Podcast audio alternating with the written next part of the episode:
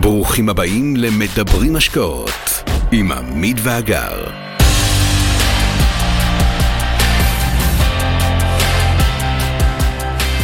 והיום נדבר על נושא מאוד חשוב שאנחנו נשאלים עליו כל הזמן.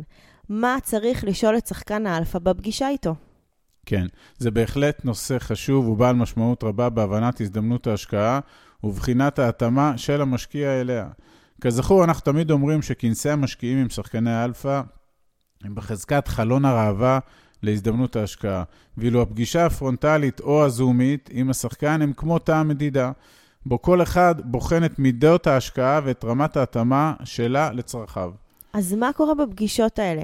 איך אנחנו יכולים לצלוח אותן טוב, גם אם אנחנו לא הכי מבינים בנישת ההשקעה הספציפית? אז צריך דבר ראשון להבין שאתם בפגישה בה אתם נחשפים להצעת השקעה על ידי גוף מסחרי. מצופה מהמשקיעים, כלומר ממכם, לצאת מהפגישה עם מירב הנתונים על העסקה, על התוכנית העסקית ועל החברה עצמה, אותו שחקן אלפא, כדי שתוכלו באמת לגבש החלטה הנשענת על נתונים מלאים ככל האפשר. לכן, חשוב מאוד לבוא לפגישות האלה ללא לחץ של זמן או לחצים אחרים. הפגישות האלה יכולות להתארך. צריך להתייחס לפגישות האלה כמו ראיון קבלה לעבודה שאתם מבצעים לשחקני האלפא. עכשיו, הדבר הראשון היא שההתרשמות היא בכל החושים. מיקום הפגישה, התרשמות ממשרדי החברה, גודל, כוח אדם. מה שאתם רואים בעיניים, הכוונה לא לעשות עכשיו אה, מסדר לכל העובדים. הדבר השני זה התרשמות מהשחקן עצמו בעת הפגישה. אם זה המנכ"ל, הבעלים, מנהל מכירות, סמנכ"ל השיווק. כל גורם שאתם באים איתו במגע, בתהליך, סביב הזדמנות ההשקעה, שמשאיר עליכם חותם כזה או אחר. את כל הרשמים האלה יש ללקט. התרשמות נוספת היא כמובן מהצגת העסקה הספציפית שלשמה הגעתם לפגישה. איך היא מוצגת, עד כמה היא מובנת, מירב הפרטים על התוכנית העסקית, כולל צפי תשואות. בשאלות כאן תחפשו להבין עד כמה ותיקה ומנוסה החברה בעסקאות מהסוג שהיא מציגה כעת.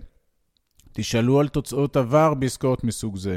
תשאלו מיהו היזם, מה הרקע שלו, מה הניסיון שלו בפרויקטים מסוג זה באזור הזה, כמה אקזיטים הוא עשה, כמה הון עצמי הוא משקיע בעצמו בעסקה. דבר נוסף זה בטוחות וביטחונות. חייבים להבין מה מגן על כספי המשקיעים בעסקה שלכם. קיום חשבון נאמנות, ציר מעבר הכסף לעסקה ובחזרה, איך ואיפה הכסף שלכם בעסקה מופיע ורשום, טאבו, מניות, רשם החברות או כל מבנה אחר.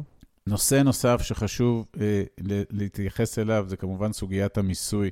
חשוב להבין מהו מבנה המס בעסקה וכמה מס אתם צפויים לשלם בעסקאות האלה בקצה, גם בארץ וגם בחו"ל.